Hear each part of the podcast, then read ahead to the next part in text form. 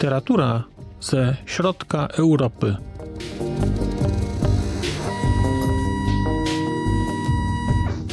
Podcast około książkowy.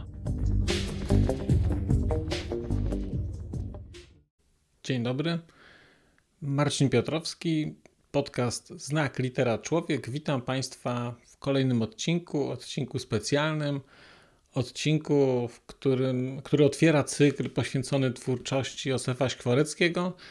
Mm, I zacząłbym chyba nie od Szkwareckiego, tylko zacząłbym od Tolkiena, bo we Władcy Pierścieni w, pierwszej, w pierwszym tomie jest taka scena, w której Bilbo opowiada, po co zorganizował urodzinowe przyjęcie. I mówi tam, że tak naprawdę zorganizował przyjęcie po to, żeby rozdać całe mnóstwo prezentów, a przy okazji, żeby e, wtedy rozdać ten e, jeden, jedyny prezent, na którym tak naprawdę, którego tak naprawdę chciał się pozbyć, czyli pierścień. I ja mam takie nieodparte wrażenie, że zakładałem ten podcast po to, żeby opowiedzieć o dwóch książkach. E, o pierwszej już opowiadałem i to jest Harmonia Celestis, a druga to są przypadki inżyniera ludzkich dusz. No i właśnie, i to nie znaczy, że to jest ostatni odcinek tego podcastu. Myślę, że, że jeszcze nie. E, natomiast realizuję w tej chwili misję swoją, czyli, czyli opowiadam o twórczości Józefa Szkwareckiego. Dzisiaj, e, dzisiaj będę miał dwie książki Szkwareckiego. E, pierwsza to jest Cud, a druga to, są, to jest najsłynniejsza jego książka, czyli Przypadki inżyniera ludzkich dusz. I zastanawiałem się długo, mm, w jakiej kolejności Państwu o tych książkach opowiadać. Dlatego, że chronologicznie wcześniejszą książką jest Cud. To jest książka, która wydana została w 1972 roku. Mm, późniejszą, ale bardziej znaną są przypadki inżyniera ludzkich dusz. I kusiło mnie, żeby opowiedzieć o nich chronologicznie. Raz, dwa ale ponieważ wiem, że albo inaczej chciałbym zmaksymalizować szansę na to, że e, cokolwiek e, zostanie i że ktokolwiek czegoś się o Szkwareckim dowie, e, a wiem, jakie są statystyki kanału i statystyki, że tak powiem, dotrwania do dalszych części filmu poza tam pięcioma minutami pierwszymi, które właśnie mijają, to jednak zdecydowałem się zacząć od przypadków inżyniera E, ludzkich dusz, e, dlatego że jest to książka z tych dwóch lepsza. Uchodzi za książkę najlepszą, za najlepszą e, powieść czeską XX wieku. Nie dziwi mnie to szczerze powiedziawszy, więc najpierw będzie inżynier, a potem będzie cud, jeżeli zostanie czasu, bo niewykluczone, że skończy się tak, że to będzie odcinek tylko o inżynierze, bo to zależy, jak bardzo się rozkręcę. O samym Józefie Szkwareckim nie będę dzisiaj opowiadał, bo zrobię o nim wkr- może nie wkrótce, ale zrobię o nim jakiś odcinek taki, taki całościowy, dlatego że dużo tych rzeczy, właściwie czy, czytam prawie wszystkie rzeczy Szkwareckiego, i, które wyszły po polsku. Mm, I, no i, bardzo mi blisko jest e, z tym pisarzem, więc, więc o Szkwareckim będzie więcej. Natomiast e, ja Państwa chciałem zachęcić do przeczytania E, do przeczytania, przeczytania Inżyniera Dusz Ludzkich, czy Ludzkich Dusz. Nie, nigdy się nie, nie nauczę tego, tego tytułu dobrze. Zawsze mi się będzie myliło.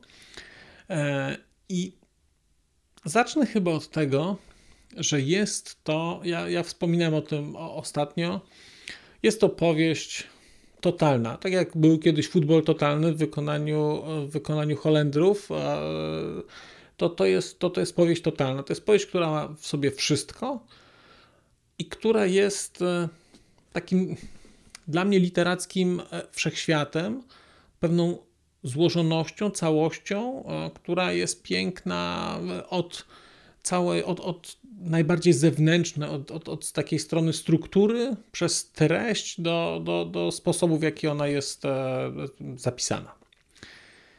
Bohaterem tej powieści jest Daniel Smizicki. Daniel Smirzycki, y, często znany jako Daniel, Deny, Daniczek, Jest bohaterem kilku powieści, czy, a także innych utworów literackich Smirzyckiego i jest trochę alter ego autora. To nie jest tak, że to jest, e, że to jest Szkworecki, że tak powiem itself, czy himself, ale to jest e, osoba, która dziedziczy e, bardzo wiele takich fragmentów życiowych z biografii Szkworeckiego. I nie będę za dużo o tym opowiadał, bo sobie Państwo odkryjecie sami, jak mam nadzieję, będziecie to czytać. No ale chociażby przez to, że gra na saksofonie, że się interesuje muzyką, mm, że gdzieś jest literatem, to, to, to wszystko się bardzo, bardzo spina e, z życiem Szkwareckiego.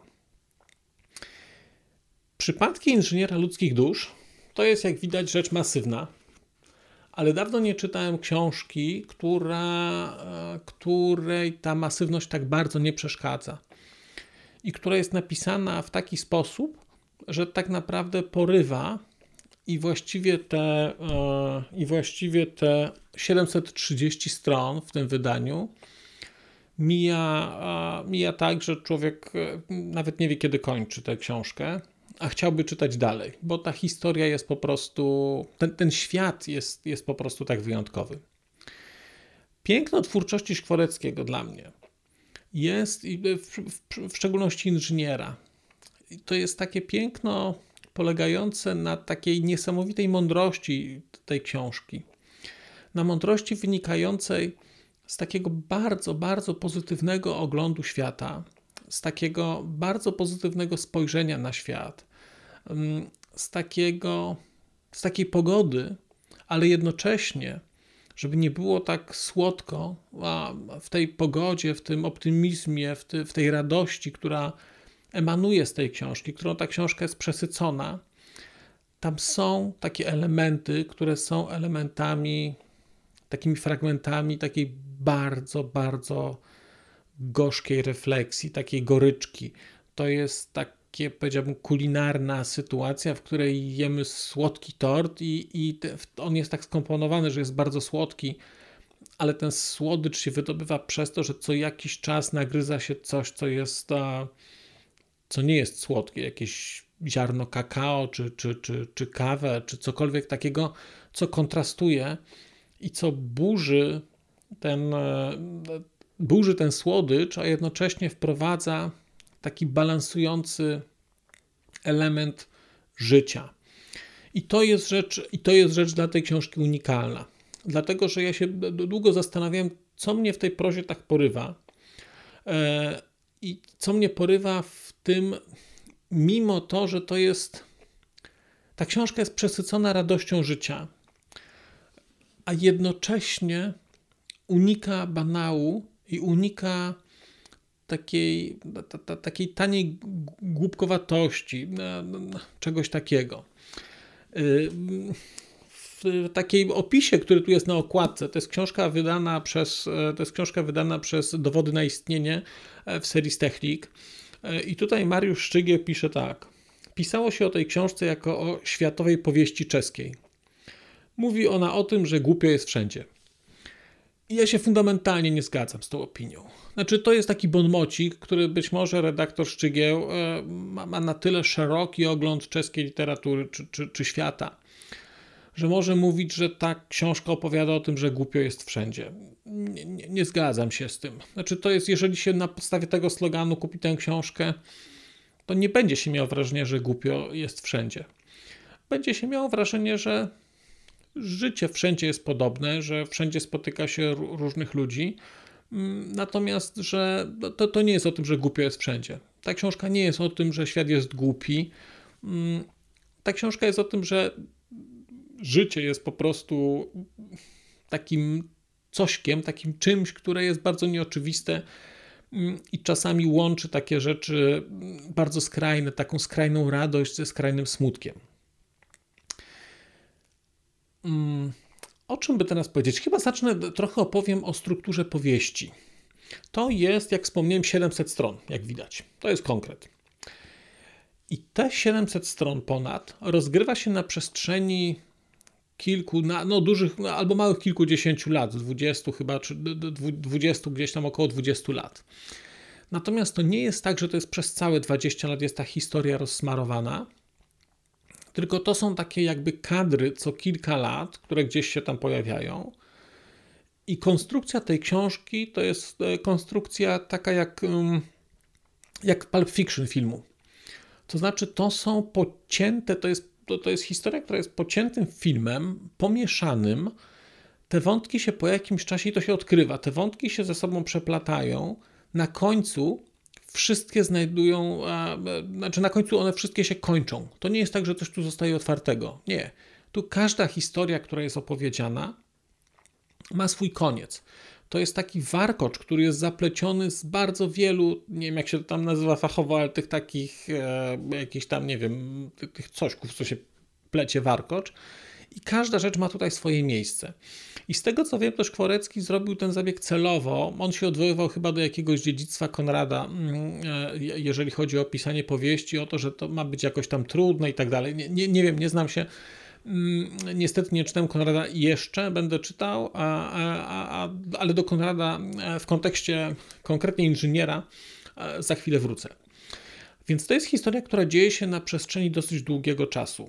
Ona się e, rozgrywa w kilku miejscach, ale głównym takim miejscem to są dwa główne miejsca. Pierwsze to jest, to jest Toronto, bo czas teraźniejszy tej książki dzieje się w Toronto, mm, gdzie główny bohater, czyli e, Smizicki, Daniczek Smizicki, e, pracuje na uniwersytecie mm, i prowadzi zajęcia z literatury. I teraz poza tym, że jest ten wątek jakby taki można powiedzieć kanadyjski, który dzieje się na uniwersytecie e, w latach 70., początku, pierwszej połowie lat 70., to jest jeszcze cały wątek kanadyjski, który dzieje się w społeczności czeskiej emigracyjnej, e, też w, w Toronto. A do tego są wątki, wątki historyczne, które się pojawiają, i to są takie wątki, które dotyczą okresu okupacyjnego, kiedy, kiedy Deni pracuje w fabryce w Kostelcu i później w okresu tuż powojennego i takiego troszeczkę później powojennego. Więc to jest kilka takich okresów. To, to wydaje się może skomplikowane, natomiast dosyć szybko uczymy się, czytając tę książkę, przeskakiwać między tymi rzeczami i wiemy, kiedy coś się dzieje, to znaczy, kiedy te, te, te historie, mm, te, te historie się pojawiają. Nadaje to przez tę formę nadaje to tej powieści takiej lekkości. To znaczy nie jest tak, że brniemy, brniemy, brniemy, tylko właściwie jest to rodzaj takiego literackiego teledysku. Co chwilę jest cięcie, coś tam, cięcie, następna scena, cięcie, następna scena, cięcie. W niektórych momentach jest to wręcz tak pocięte, że mamy wrażenie, że, że to jest że celowy, no bo to jest celowy zabieg, ale jest to tak pocięte, że już na przykład, kiedy czytałem tę książkę drugi raz, to już eksplorowałem sobie takie wątki, że na przykład pomijałem pewne rzeczy, bo chciałem e, sobie przypomnieć szybko, jak się jakiś wątek kończy, więc sobie po prostu szukałem, kiedy się dany, dany fragment będzie dalej zaczynał, ale znałem już całą historię i po prostu, mm, po prostu szukałem pewnego rodzaju zakończenia. No, no, miałem jakiś tam, jakiś tam pomysł, dlaczego chcę coś, dlaczego chcę coś przeskoczyć. I to jest pierwsza struktura, która w tej książce się pojawia, czyli struktura geograficzna, właściwie druga, struktura geograficzna i struktura czasowa. Kolejna struktura, która jest w tej książce, to jest struktura, mm, to jest struktura, nazwijmy to, mm, jakby typu literackiego. Część rzeczy to tutaj to, to są historie, które się dzieją w czasie teraźniejszym i one są opowiadane. Część to są wspomnienia. Natomiast istotną częścią tej książki są listy. Listy, które, które są pisane do, do, do Deniego, to są listy od jego przyjaciół. I to jest niesamowita rzecz w ogóle te listy. I w ogóle w tym miejscu jest chyba pora, żeby wspomnieć o tłumaczeniu. To jest tłumaczenie Andrzeja Jagodzińskiego. Ja jestem pod, pod ogromnym wrażeniem tego tłumaczenia. Dlatego, że kiedy będziecie Państwo tę książkę czytać, to tutaj jest użytych kilkanaście różnych, nie chcę powiedzieć, że języków, sposobów komunikacji, dlatego że tutaj są bardzo różni ludzie. Tutaj mówią robotnicy w fabryce, prości robotnicy, młodzi, niewykształceni. Tutaj mówią a, prości mieszkańcy wsi, wykształceni, prości mieszkańcy wsi niewykształceni, którzy piszą listy, które są które są pełne błędów ortograficznych, stylistycznych, takich, e, bym powiedział, są, są w takie, takie, takie infantylne nieco, tak jak człowiek, który nie pisze, usiłuje coś napisać. Do tego są listy, które na przykład są pisane przez, mm, przez przyjaciela, który jest poetą. Te listy to jest, to, no, to, to, to są cudowne rzeczy, bo one są pisane o, o, o teorii literatury, one są pisane o teorii poezji. One są pisane o odkrywaniu socrealizmu, o walce z, z tym prądem. Mm, e, I to jest pisane takim bardzo wysublimowanym językiem. Do tego są listy pisane przez takiego e, e, przyjaciela, którego los strasznie rzuca po świecie i są pisane takim fantastycznie prostym językiem, tak jakby się pisało do takiego bliskiego, bliskiego swojego przyjaciela, jakbyście Państwo pisali, byście używali takich dosyć familijnych zwrotów, ale jednocześnie to, to jest bliskie, ciepłe, a jednocześnie jednocześnie ma swój styl. Do tego jest cudowny, przecudowny wątek mm, językowy y, tej diaspory czeskiej w Toronto. Bo y, tutaj angielski język, który pojawia się w tej książce, to znaczy to, co normalnie mówi się po czesku, w tej książce jest przetłumaczone na język polski. Natomiast język angielski pojawia się tutaj w dwóch formach. Po pierwsze, czasami pojawia się w formie wprost e, nieprzetłumaczonych fragmentów z języka angielskiego, czyli znaczy to, to w oryginalne, czyli to są w treści są mm, oryginalne zdania w języku angielskim, e, które są w przypisach przetłumaczone, natomiast to jest napisane po angielsku po prostu. Tego nie ma dużo, ale, ale są takie zdania. Natomiast e, jest tutaj taka bohaterka, szalenie, mm, szalenie urocza, która posługuje się takim językiem czeskim całkowicie zangielszczonym, albo takim sfamiliaryzowanym angielskim używanym na po potrzeby języka czeskiego. Zasadniczo znacie Państwo takie osoby, które były w Stanach e, i posługują się taką mieszanką polskiego i angielskiego, czyli na przykład nakładają na angielskie na angielskie słowa e, polską wymowę. W związku, w związku z tym wychodzi squeezowanie do kara mm, i, i, i, tego typu rzeczy. I tutaj jest ta, taka bohaterka, która posługuje się głównie tego typu językiem. I to jest w ogóle, to, to jest cudo. Znaczy tłumaczenie, czy czytanie tego, ja te, czytałem to i wyobrażałem sobie, jak to by brzmiało po polsku. Yy, i rozpoznawałem rodaków y, z, z tego Greenpointu, którzy, którzy właśnie tak mówią. Mm, I to jest, i to jest przepiękne. E, czy jest tu jeszcze jakiś język? Aha, no i właśnie, teraz ten język angielski, który tutaj się pojawia, to będziecie sobie Państwo sami musieli odkryć, kiedy on jest, bo on się pojawia w bardzo specyficznych, bardzo, w bardzo specyficznych miejscach, głównie rozmów ze studentami. I tak, czy jeszcze coś mi powiedział o tym języku? Nie, chyba to jest wszystko. Tak, to jest wszystko, jeżeli chodzi o inżyniera, o, o, o, o język. Więc to jest w ogóle e, pod względem translatoryki, to jest, to, to, to jest coś niesamowitego w ogóle. To jest coś niesamowitego, jak to jest, e, jak to jest przetłumaczone. Mm, I ta zabawa językowa tutaj jest no dla mnie była ona porywająca. Znaczy ja, ja, ja to uwielbiałem e, i czytałem tę książkę po raz pierwszy mniej więcej rok temu, nieco ponad. Wróciłem do niej kilka tygodni temu dosłownie i byłem bardzo ciekaw, czy ta książka dźwignie, dźwignie drugie czytanie i było w ogóle bez problemu. Znaczy ja dopiero teraz zacząłem się tą książką zachwycać, bo pewne rzeczy, które poprzednio gdzieś mi umknęły, bo, bo, bo byłem porwany przez akcję. Teraz ja tę akcję mniej więcej znałem. Mówię mniej więcej, dlatego że mm, czytałem już sporo rzeczy Szkworeckiego i te wszystkie historie, gdzie występuje Deny i gdzie występuje Kostelec, one mi się zaczynają trochę sklejać.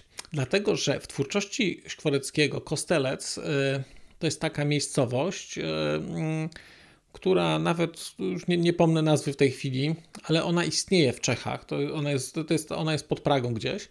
Mm, znaczy nie nazywa się Kostelec, to się nazywa inaczej.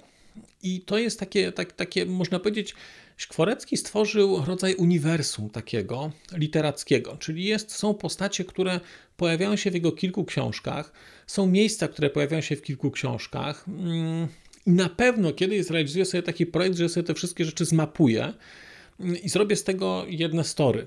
Mam też taki pomysł, że w ogóle kupię sobie kilka egzemplarzy inżyniera i potnę je i ułożę z niego taką historię jak czasami są, można znaleźć właśnie Pulp Fiction zdekodowane, gdzie ta historia nie jest pocięta, tylko jest ułożona po kolei tak, jak powinna być. I strasznie mnie to kusi, żeby to zrobić, i strasznie mnie kusi w ogóle, żeby do, do tego inżyniera dołożyć, mm, dołożyć wątki kosteleckie z innych książek e, Szkworeckiego, po to, żeby zrekonstruować cały, cały ten wszechświat, całe takie uniwersum które tam jest, bo te rzeczy się bardzo ze sobą przeplatają, stąd ja mam trochę trudność, bo mi się mieszają te książki. One są wszystkie napisane w podobny sposób. One są w, nie, nie, w taki sam, one są napisane w podobny sposób. Mm, dotyczą podobne, czy występują tam podobne postaci, są czasami inaczej rozłożone akcenty, ale to wszystko razem się spina i to tworzy taki mówię, nie, nie, niesamowity, niesamowity wszechświat. Całkowicie osobną rzeczą w, w twórczości Szkwareckiego, w szczególności w inżynierze, jest humor. Ta książka jest przesycona humorem najwyższej próby, humorem sytuacyjnym, e, humorem słownym, różnego rodzaju grami. To jest w ogóle pod tym względem to jest bajka. Znaczy, to jest książka, przy której jak Państwo będziecie ją czytać, to będziecie się, e, będziecie się śmiać regularnie i to, i to będzie taki, taki piękny, czysty, prawdziwy śmiech. To nie będzie rechot, bo czasami człowiek, jak czyta, to tak rechocze. To nie jest rechot, to jest po prostu taki śmiech, który. Mm, czasami to jest śmiech, czasami to jest takie uśmiechanie się, bo to jest książka o młodości, o tęsknocie, o miłości, o miłostkach, o przemijaniu, o tym, co się wydarzyło, co się nie wydarzyło, co się mogło wydarzyć jest to, jest to piękne, a jednocześnie jest to tak szalenie momentami zabawne. Mm, właściwie całymi fragmentami dłuższymi to jest tak zabawne. Natomiast ta zabawność jest zawsze podszyta czymś. Ona, jak wspominałem o tych takich, o tych takich e, ziarenkach kawy czy czystego kakao, które w tym znajdziecie Państwo, to tu jest tak, że jest zabawnie, po czym to jest co jakiś czas co jakiś czas człowiek przegryza coś i czuje, że mm, i czuje, że oczy mu wilgotnieją, bo, y, no bo, to jest, bo ta książka opisuje życie. I to życie jest takie, że czasami jest smutno, a czasami, czasami jest wesoło, a czasami jest, jest bardzo smutno. I te, wydaje mi się, te kontrapunkty, które tutaj są, mm, one stanowią o istocie jakości tej, tej powieści, o tym, że to jest pogodna powieść o smutnych rzeczach. E, że Szkworeckiemu udaje się coś, co, to, co jest dla mnie świętym gralem w ogóle jakiegoś storytellingu, e, czyli jak to mówił Gandalf albo Frodo o Bilbie, e, że potrafił mówić poważnie o rzeczach niepoważnych i niepoważnie o poważnych. Ta książka taka, ta książka taka jest. Te wątki występują też w innych książkach Szkworeckiego, znaczy te, ten sposób narracji. Natomiast w inżynierze to, to jest perfekcja pod tym względem. Znaczy to jest danie intelektualne skomponowane tak, że tutaj nie da się zmienić jednej litery. No nie wiem, ja się, jak czytam teraz drugi raz tę książkę, to się zastanawiałem, czy czegoś, czy coś nie będzie mi się wydawało za długie. Nic takiego nie było to wszystko było na swoim miejscu i jeszcze bardziej e, wybrzmiewało i nie mogę się, przyznam, doczekać, e, kiedy stwierdzę, że chcę przeczytać tę książkę jeszcze raz. A teraz już sobie nawet tak do niej co jakiś czas zaglądam, bo, bo ona jest tak nasycona takim, mimo wszystko, takimi pozytywnymi historiami, że, że stanowi dla mnie taką nawet, powiedziałbym, odtrutkę na, na dzień codzienny. Znaczy to, to, to jest takie coś, że bierze się, gdzieś się otwiera i po chwili trafia się na, na jakieś takie mm, na jakieś takie szalenie pozytywne spojrzenie na, na codzienność, bo ta książka jest o czeskości, o czeskości, której Czechom bardzo zazdroszczę, o czeskości rozumianej jako celebracja codzienności, jako celebracja takiego życia, takiego jakie jest. I ja zdaję sobie sprawę, że to wszystko przychodzi z pewnym kosztem i że Czesi przez to, że tak, a nie inaczej mm, do, do tego podchodzili, czy tak, a nie inaczej, taką, a nie inną mają konstrukcję psychiczną, to też ma swoją cenę. Natomiast dużo lepiej mi się w ogóle tę książkę rozumiało, po, przy tym drugim czytaniu, kiedy byłem już po wcześniejszej lekturze, które z kolei byłem, zrobiłem później, po tej książce, książek Piotra Majewskiego, czyli książek o Monachium i książki o Monachium i książki o protektoracie mm, Czech i Moraw, którą ja te książki gdzieś tam kiedyś recenzowałem i kiedy, bo, bo, bo przyznam, że dla kogoś, kto e, nie zna kontekstu czeskiego albo wchodzi w ten świat czeski, historia okupacyjna czeska jest tak kompletnie odległa od historii polskiej, że trudno to sobie, mm, trudno to sobie wyobrazić. I no ja ciekaw jestem, czy w ogóle w Polsce dałoby się napisać taką książkę jak ta, jak, jak ta bo niewątpliwie życie, normalne życie w czasie okupacji się toczyło. Ludzie dostrzegali piękno dnia, ludzie się kochali, ludzie się pobierali, ludzie robili różne głupoty. Natomiast u nas to wszystko jest przykryte e, przez to, co urządzili tutaj Niemcy. Oni w Czechach poczynali sobie, e, poczynali sobie inaczej. E, I ta, ta, książka też to pokazuje, i to jest w ogóle, ca- znaczy to spojrzenie na to, jak się żyło za okupacji w, w, w Czechach. Jak postrzeganie życia przez młodego człowieka, który ma tam dwadzieścia kilka lat, jest niesamowite. Jest niesamowite. Znaczy, to jest takie też dołożenie się, bo to, to już u Hrabala było widać w pociągach pod specjalnym nadzorem. Tylko tam to jest bardziej gorzkie. A tutaj to jest, to jest historia młodego człowieka, który po prostu jest młody, jest zakochany, e, flirtuje z koleżankami, mm, ma jakieś pomysły. Jest też wątek ruchu oporu tutaj i jest pokazane całkowicie inne spojrzenie na ten ruch oporu. E, bardzo Państwa zachęcam. Całkowicie inna refleksja na ten temat, co znaczy być w ruchu oporu i co znaczy coś zrobić, jakie będą tego konsekwencje. Niesamowite, bo to jest zupełnie inne spojrzenie. To jest nie wiem, ja pochodzę z Nowego Sącza, więc te, te, te Czechy są ode mnie, nie wiem, sto kilkadziesiąt kilometrów, a mm, jednocześnie to jest kompletnie inny świat. Znaczy ta granica dzieli mentalnie, i więc to jest pod tym, pod tym względem coś, coś, coś zupełnie innego, coś zupełnie wyjątkowego.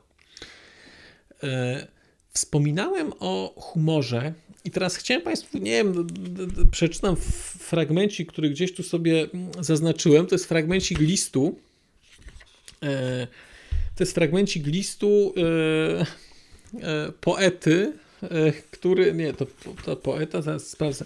Wydaje mi się, że to, że to chyba pisał poeta, nie, to chyba nie pisał poeta, to pisał kolega, jakiś inny, no ale nieważne, posłuchajcie Państwo, posłuchajcie tego.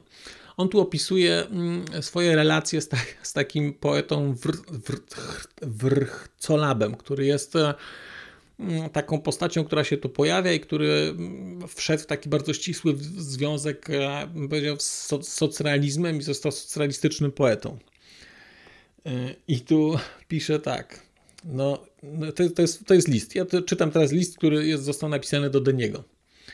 No ja po prostu miałem do Wrchcolaba szczęście wprost niewiarygodne. Na przykład zaciągają mnie do wojska. I kto wraz ze mną się zaciąga jak nie ta chłopczyna? Ja jednak tam poszedłem już w wieku dość zaawansowanym, bo hodowałem w sobie różne choroby, aż ich miałem tyle, że lekarz wojskowy mi mówi: Słuchajcie, Blażej, wam już wszystko jedno.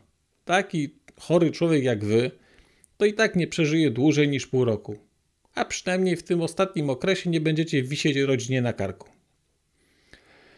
Wrchcolap nie migał się od wojska i przyszedł jeszcze jako chłopczyna, ale został ze mną w koszarach tylko jakiś tydzień. Wbił mi się w pamięć, jak stoi przy ścianie w toalecie, za nim na tej ścianie wydrapany strasznie tra tragiczny napis jeszcze 730 z wykrzyknikiem. A on z tym optymistycznym uśmiechem agituje poborowych do kółka recytatorskiego. Za tydzień go przenieśli i przyjechał dopiero na wiosnę, ale już jako porucznik i z wojskowym zespołem artystycznym. Recytował, ale głównie śpiewał, a największe powodzenie miała piosenka, którą sam napisał i która nazywała się Piosenka żołnierskiego dziewczęcia. I wyobraź sobie, rodaku, że była cała napisana w rodzaju nijakim. Wtedy to dbało się o moralność. Ale żołnierzom to nie przeszkadzało, bo Wrchcola miał to tak sprytnie ułożone, że każdy znalazł tam coś dla siebie. Stał w mundurze przy mikrofonie, wokół niego dziesięć dziewczątek, też w mundurach, i zawsze śpiewał pięciowiersz, mniej więcej taki. To dziewczątko gołąbiątko z odlewnikiem chodziło, jak odlewnik się zaciągał, to pierścionek ofiarował, by o nim pamiętało. Potem występowało do przodu jedno z dziewięciu dziewczątek i śpiewało refren jakoś tak. Mój chłopak jest czołgistą. Kocham go bardzo szczerze. On dzielnie broni pokoju w codziennym trudzie i znoju, a ja wciąż w niego wierzę. Ostatnie trzy wersy było, to było powtórzenie refrenu, które śpiewało wszystkie dziesięć dziewczątek na cztery głosy, z tym takim paruskim sopranem na górze. On dzielnie broni pokoju w codziennym trudzie i znoju, a ja wciąż w niego wierzę. Genialność piosenki polegała na tym, że w refrenie poeta kolejno wymieniał wszystkie rodzaje broni i służb, więc jak ci napisałem, każdy żołnierz znalazł coś dla siebie. I ci z wojsk chemicznych, i ci z kawalerii, którą na podstawie naszego wzoru znowu wprowadzili. Miało to w dodatku sprytny efekt psychologiczny, że wszystkie chłopaki siedziały w napięciu, czy nie zapomniał o ich wojskach. Ale on nie zapomniał. Było ciekawe, że jak wychodziło to dziewczątko i śpiewało na przykład Mój chłopak jest kanonier, to oklaski odzywały się z innego kąta amfiteatru, gdzie siedziało z pół dywizji, niż kiedy dziewczątko śpiewało Mój chłopak w karnej kompanii. No ale to wymyśliłem. O tej jednej formacji Wrchcolap e, zapomniał. Ja sobie wtedy uświadomiłem, że Wrchcolap jest właściwie mistrzem formy. Ale nawet mistrz czasem się może podłożyć, a forma, choć mistrzowska, przynosiła czasami nieoczekiwane efekty. Raz na ten przykład w czasie południowego odpoczynku obserwowałem kapitana Strewliczka. Pamiętasz go, taki notoryczny ojciec, jak czyta pismo czechosłoweński wojak. I w dość regularnych odstępach wydaje z siebie okrzyki w rodzaju ty kurwo, ty baranie, albo ty bucu. A nagle cisnął pismem i wrzasnął to ciul dymany. Nawet mu się to nie rymuje. Zdziwiłem się, że w tak fachowy sposób podchodzi do poezji i spytałem, co czyta. A on podał mi pismo, mówiąc: Sam sobie przeczytaj tego palanta. Jak mu tak chce się robić, to czemu nie da sobie spokoju z tymi podróżami? Kurwa, jedna bezbożna. Jak wiesz, ten Strewliczek był e, żarliwym czytelnikiem, ale tylko szmirej pornografii. A jego wielkim marzeniem było żeby raz w życiu dotrzeć na zachód od czechosłowackich granic i na placu Pigalle móc się na własne oczy przekonać, czy to rzeczywiście prawda, czy tam baby na scenie i za pieniądze rozbierają się przed publicznością do naga. On czytał o tym w Rudym Prawie, więc w to nie wierzył. No ale w tym pierwszym okresie było to absolutnie, e, e, to było absolutnie niemożliwe. Te zbiry nie były takie głupie, żeby zamiast kół pięciolatki napędzać koła międzynarodowych pociągów, jak to scharakteryzował nieśmiertelny Wacław Lacina. Za granicę jeździli tylko ci najbardziej zasłużeni, którzy nie byli tak absolutnie niezbędni do budowania nowej rzeczywistości jak Strzewliczek, który jak wiesz był tylko bezpartyjnym kowalem. Więc wziąłem od niego ten magazyn, spytałem, kogo masz na myśli? I zacząłem czytać wiersz, który pod tytułem Zazdroszczę Opublikował tam, jak mogłeś zgadnąć, nie kto inny niż Jan Wrchcolap. Tytuł mnie zaskoczył, bo wydawał mi się nie bardzo socjalistyczny, ale po lekturze zrozumiałem, że jest to jednak bardzo socjalistyczne uczucie. W tym przypadku miał to uczucie jeden z tych, co nie byli tak niezbędni do budowania, więc zazdrościł tym niezbędniejszym, którzy są niezbędni. Właściwie był to rodzaj Bedekera, który miał strukturę, Uczony jestem, co? Podobną do tego utworu o kobietach w rodzaju nijakim. Było tam zawsze, błądziłem po mglistym, w nawiasie Londynie. Słowo w nawiasie zmieniało się ze zwrotki na zwrotkę. Kolejno na Paryż, Rzym, Nowy Jork, Chicago, San Francisco, Rio de Janeiro, Bangkok, Kair, Las Vegas, Tokio i tak. Gdzie nad Tamizą ponurą Big Ben smutno łuka. Gdzie w restauracjach na Piccadilly człowiek żadnego człowieka nie spotka. Krótko mówiąc, w każdej zwrotce był uchwycony jeden z wielu koszmarów kapitalizmu. W każdej inny i w innym mieście. Na przykład, że na Piccadilly człowiek żadnego człowieka nie spotka. To odkrywcze i metaforyczne pokazanie tego, jak społeczeństwo kapitalistyczne jest wyalienowane. Po każdym koszmarze następował odpowiednio kontrastujący refren, stale ten sam. A jednak zazdroszczę ja tobie, towarzyszu nad paleniskiem, którymi dłońmi mozolnymi socjalizm budujesz. Ty nie znasz morskiej bryzy ni wielkomiejskich splinów, lecz z towarzyszami w szeregu ku przyszłości kroczysz. Mam nadzieję, że już rozumiesz, rodaku. Za każdym razem, kiedy Strzewliczek czytał nową zwrotkę i trafiał na nazwę jakiejś światowej metropolii, to w głos przeklinał Wrocholaba, bo dostać się nad palenisko do huty w tych pierwszych latach budowania socjalizmu to nie był aż tak wielki problem, jak dostać się na przykład do Frisco. A kiedy doszedł do zwrotki, w światłach neonów pod ciężkimi chmurami, zmęczony bez celu, chodziłem po Pigal i widząc nagą kobietę oplutą wzrokiem, ja przerażony w tym nędznym namiocie stał, to splunął i wrzasnął. To ciul dymany, nawet mu się nie rymuje. W ogóle nie zrozumiał głębi wiersza, ani szczerego smutku tych mniej potrzebnych. Z czego wypływa nauka, którą słusznie powtarzają klasycy socjalistycznego realizmu, że technika eta nie wsio. No, ten list się ciągnie dalej, ale, ale, ale dalej Państwu, ale państwu czytać nie będę. E, ale wydaje mi się, że to jest taka próbka, która trochę pokazuje. Tutaj akurat widzieliście Państwo, mieliście okazję posłuchać takiego listu, listu takiego bliskiego przyjaciela, kolegi, który, mm, no, który, który opisuje jakąś historię z wojska. Tego typu listów tu jest mnóstwo. I tego typu humoru, który tu jest pokazany, jest w tej książce naprawdę, no, no, no, no ona jest nią przepełniona. Jednocześnie, jak wspomniałem, ta książka jest też przepełniona smutkiem. I, I, e, o tym smutku nie będę Państwu teraz mówił, e, dlatego że wydaje mi się, że sami sobie odkryjecie, kiedy to będziecie czytać.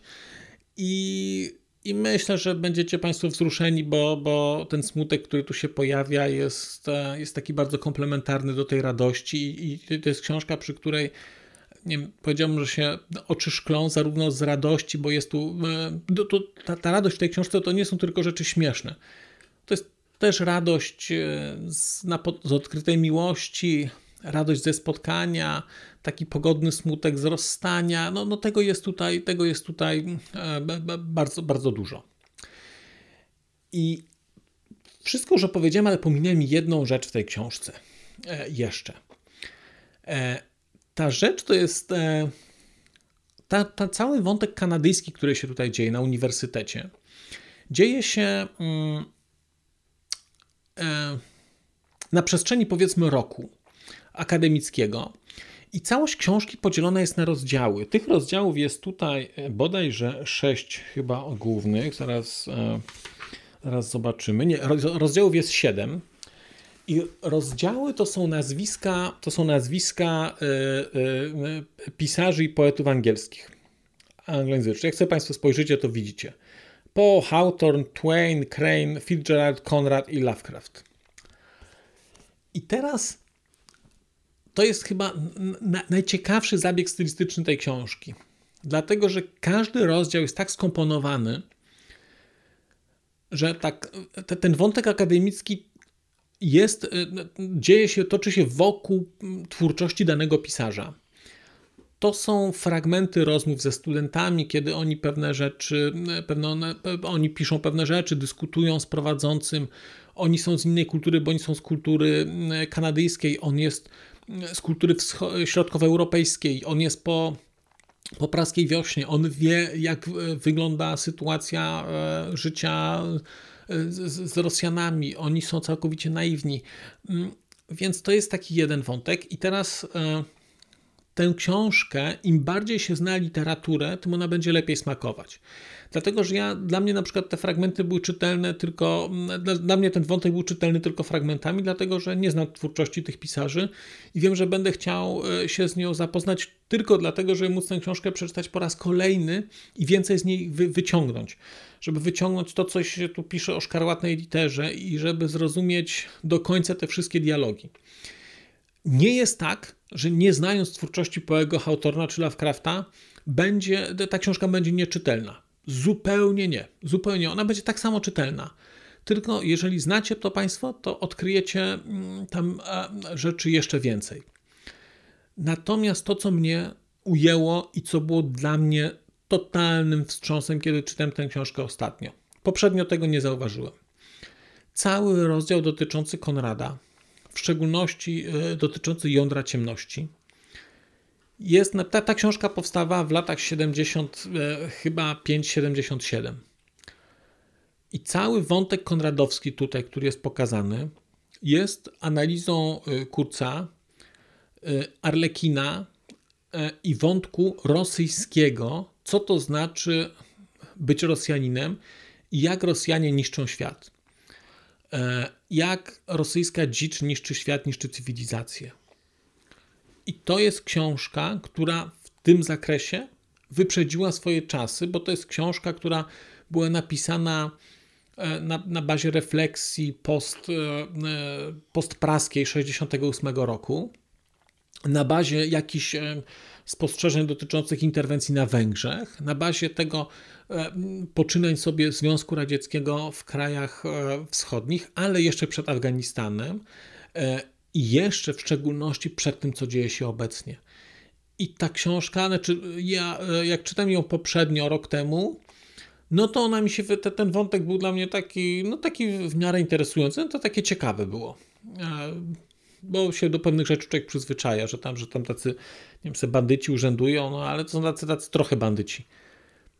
Natomiast jak się ją czyta teraz, to to jest przerażające, jak Szkworecki zinterpretował tego, tego Konrada.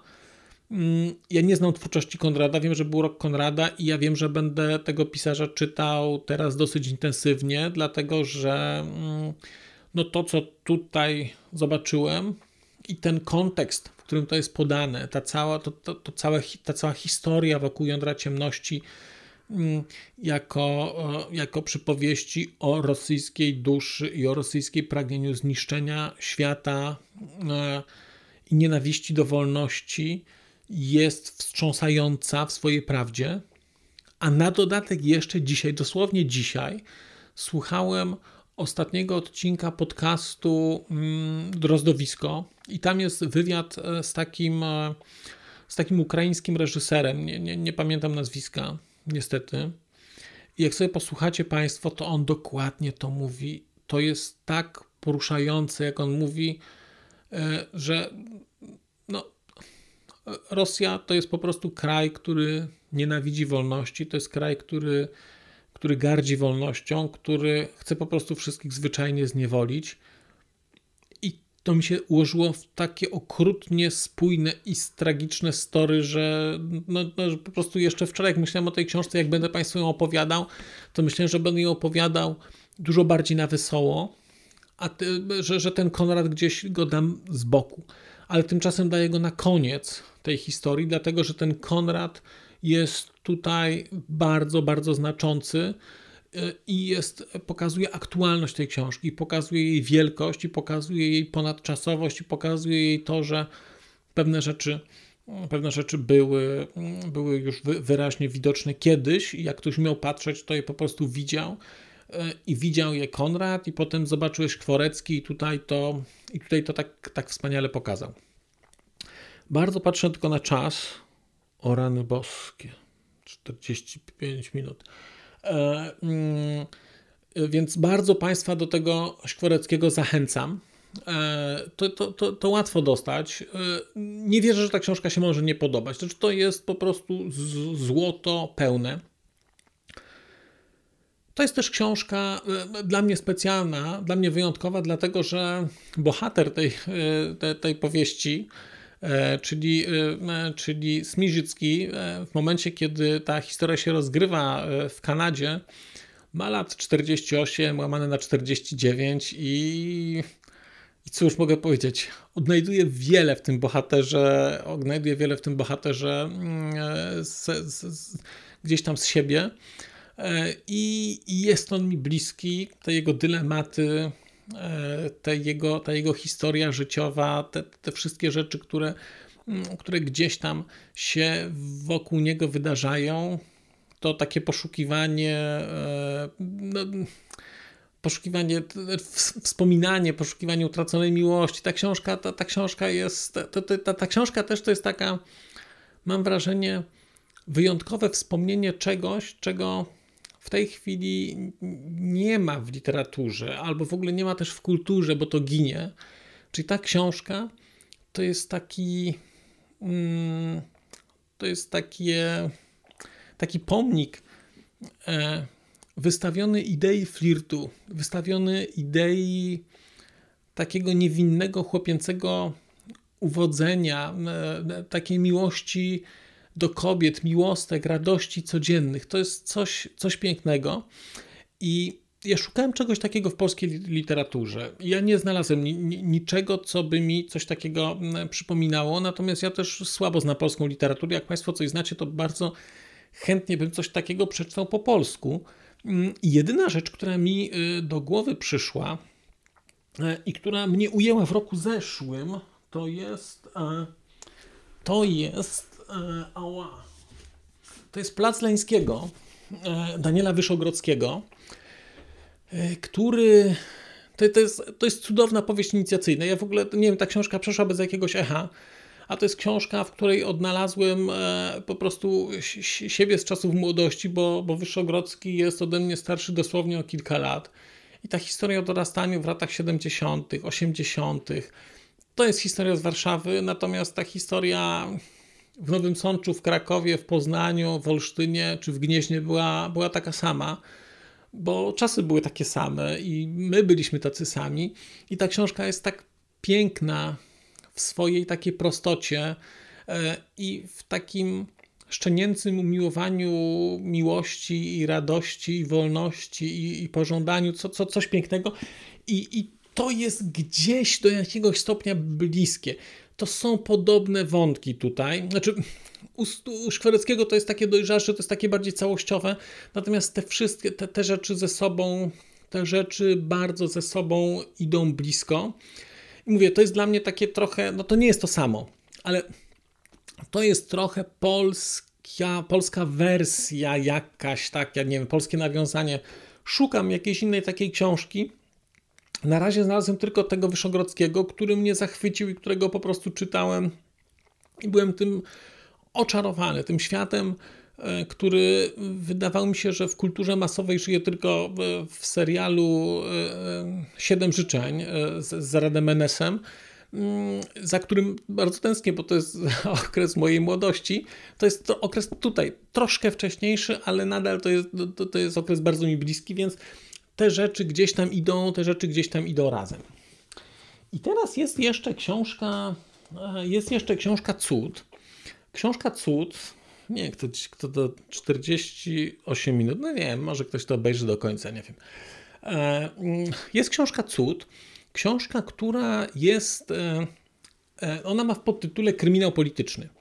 I to jest bardzo wyjątkowa książka, dlatego że to jest książka, która dzieje się w okresie praskiej wiosny. Natomiast ona jest szalenie prześmiewcza w, w stosunku do tego, co się działo wtedy w Czechach. I pod tym względem jest bardzo wyjątkowa, bo bardzo podziwiam odwagę, że ktoś, e, że Szkworecki tuż po praskiej wiośnie potrafił się e, obśmiać e, z rodaków.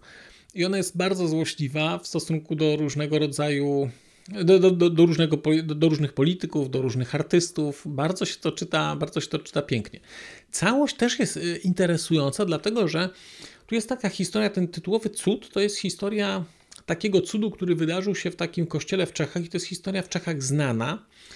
Y, to jest historia prowokacji przygotowanej przez czeską służbę bezpieczeństwa, takiej ruszającej się figurki, która coś tam miała robić. Chodziło o, o chodziło o, o prowokację i o wywołanie takich nastrojów antykościelnych. I teraz e, cały wątek sensacyjny tej książki, można powiedzieć kryminalny, to jest odkrywanie tego, co się tam wydarzyło. E, są takie prawdziwe, jak w prawdziwym kryminale, są szkice sytuacyjne, są różne wersje, są różne nazwiska, są różne motywy, mm, e, są różni świadkowie, i to, i to jest jeden taki wątek całej tej książki. Na to wszystko jest, nałożona, jest nałożone, pokazane życie w Czechach, e, w, właśnie w Czechosłowacji, początku okresu stalinizmu i pokazane, jak to wyglądało po stronie czeskiej, czyli lata, koniec lat 40., początek 50. Jak ja gdzieś to sobie wyliczałem, to to są lata głównie te, te, te takie historie szkolne, które tu się pojawiają, bo tutaj z kolei e, Daniczek Smiżycki pojawia się jako nauczyciel, e, e, się, jest nauczycielem, przyjeżdża, przyjeżdża uczyć, wraca uczyć i, i no i właśnie tu jest ten, ten cudowny humor Szkwareckiego, bo ten Smiżycki postanawia, znaczy jest tam taka uczennica takiego liceum, już ma 17 lat i bardzo uwodzi e, e, tego Smiżyckiego, który e, bardzo chce, mm, że tak powiem, skonsumować ten związek. Mm, niestety, y, niestety nie może, gdyż na wyjeździe mm, bodajże w Bułgarii szkoleniowym złapał rzeszączkę i akurat przechodzi proces le leczenia, więc e, żeby nie spalić się e, wobec, e, to znaczy nie, żeby jakoś nie wyjawić prawdy, to zaczyna odgrywać rolę, mm, wchodzi w rolę takiego bardzo, bardzo ortodoksyjnego katolika i e, mimo, że marzy o, o konsumpcji związku, to opowiada, jak to jest wierzący i jak bardzo e, będzie grzeszył, jeżeli, e, jeżeli do czegoś dojdzie. I to jest. To, to się ciągnie dosyć długo, nie powiem jak się kończy, natomiast ten wątek jest po prostu tak, tak urokliwy i, i, i taki piękny w ogóle. I ta książka też wychodzi daleko poza takie banały tego, czym jest miłość pokazuje różne rodzaje związku, pokazuje różne etapy związków i, i też jest bardzo prawdziwa.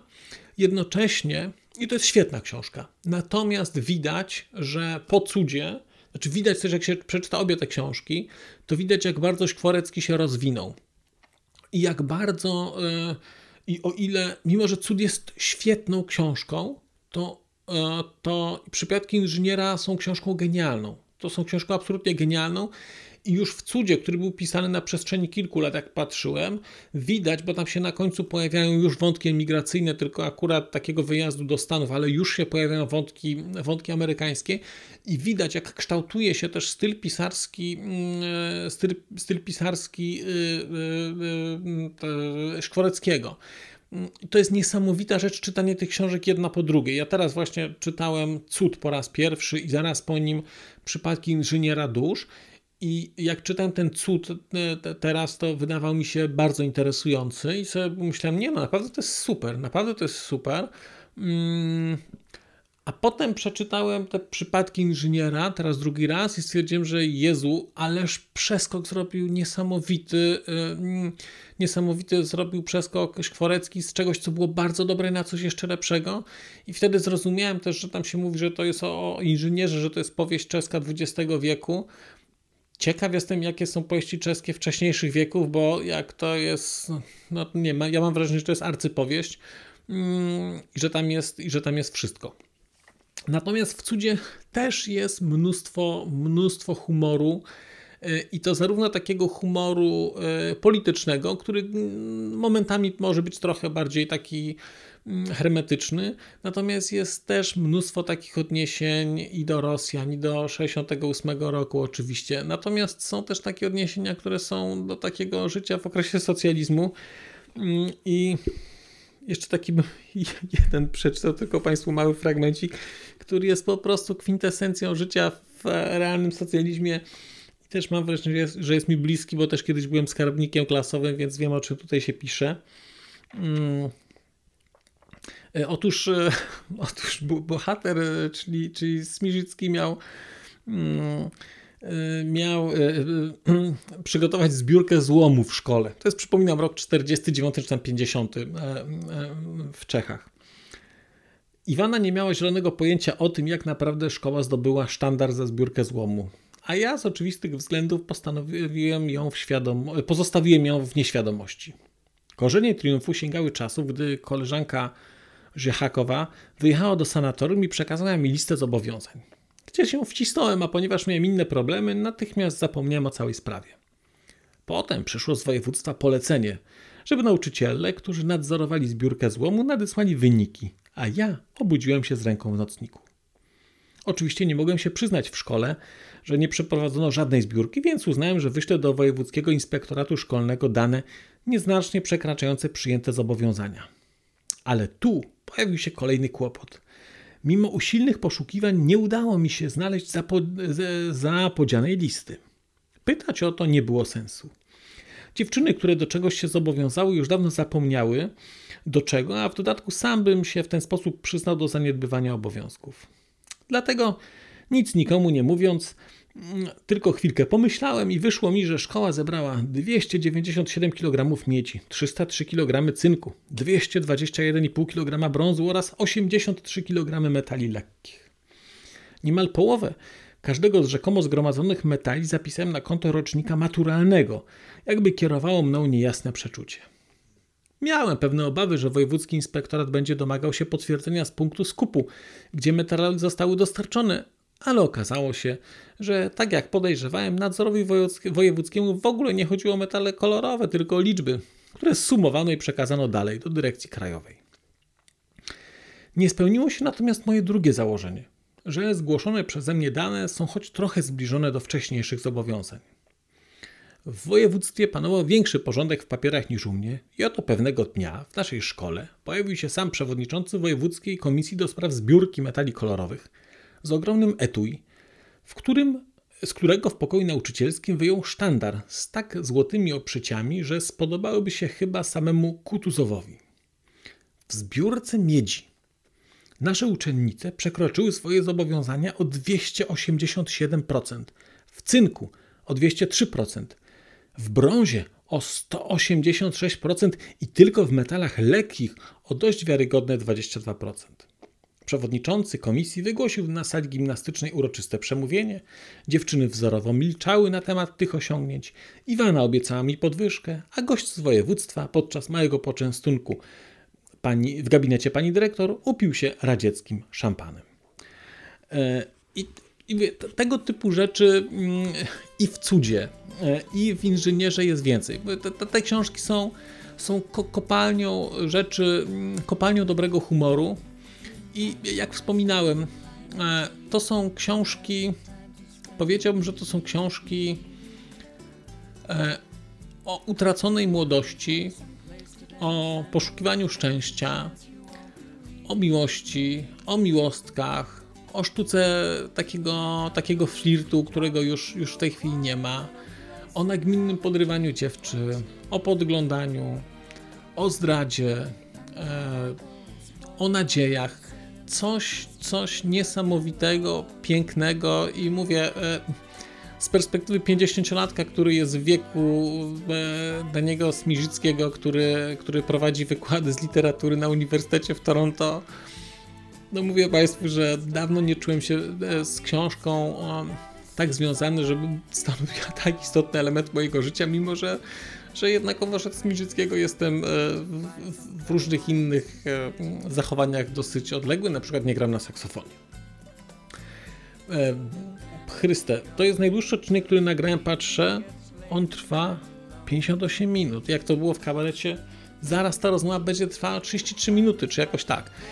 Więc drodzy Państwo, bardzo Państwu dziękuję za, za uwagę. Jeżeli ktoś z Państwa dotrwał do końca, to proszę mi dać znać, bo to jest niesamowite. Niestety obawiałem się, że tak będzie.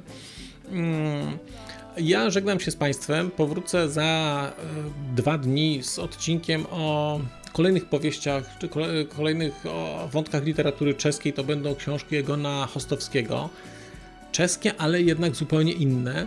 Nadal o okresie e, e, drugowojennym i okresie komunistycznym, ale zupełnie inne ale jednocześnie trochę konweniujące z, z tym, co tutaj, o czym tutaj mówiłem. Więc bardzo e, Państwu dziękuję za uwagę.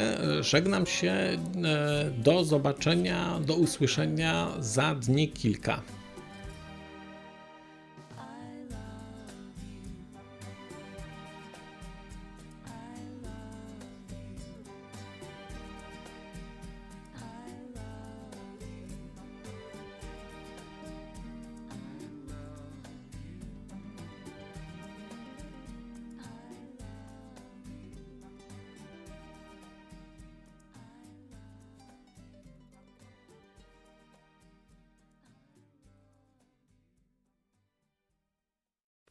A już zupełnie na koniec powiem, że skoro wysłuchaliście Państwo tego odcinka, to w jego opisie znajdziecie link do serwisu YouTube. W wersji YouTube'owej e, jest miejsce na skomentowanie go. To jest takie miejsce, gdzie można komentować ten odcinek, rozmawiać, zadawać pytania, wymieniać się spostrzeżeniami, do czego Państwa bardzo zachęcam, gdyż udało się już na tym YouTubie zgromadzić trochę bardzo ciekawych osób, bardzo ciekawych komentarzy i trochę stworzyć taką społeczność ludzi rozmawiających o książkach.